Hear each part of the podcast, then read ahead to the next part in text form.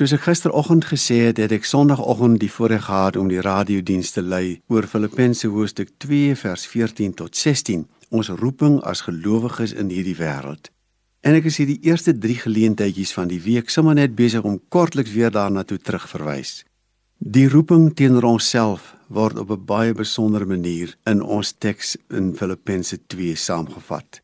Daar word staan: "Sorg dat jy bo alle verdenking staan en opreg bly."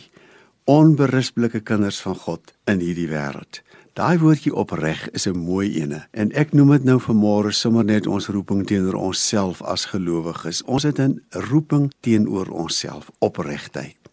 Dis 'n vreeslike mooi Bybelse beeld wat in hierdie woord uitdrukking vind. As 'n mens byvoorbeeld nou eysterboor of uh, jy boor baie keer hout, dan is daai skaafsel of die eysterfasel, die gaan mos nou so in 'n kring so langs die boor op.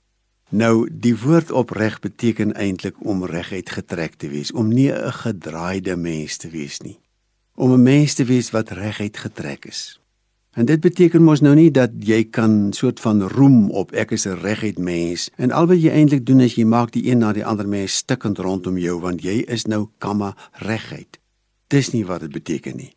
Die Bybelse woord het iets te doen met wat ons vandag integriteit noem. Ons is innerlik opreg.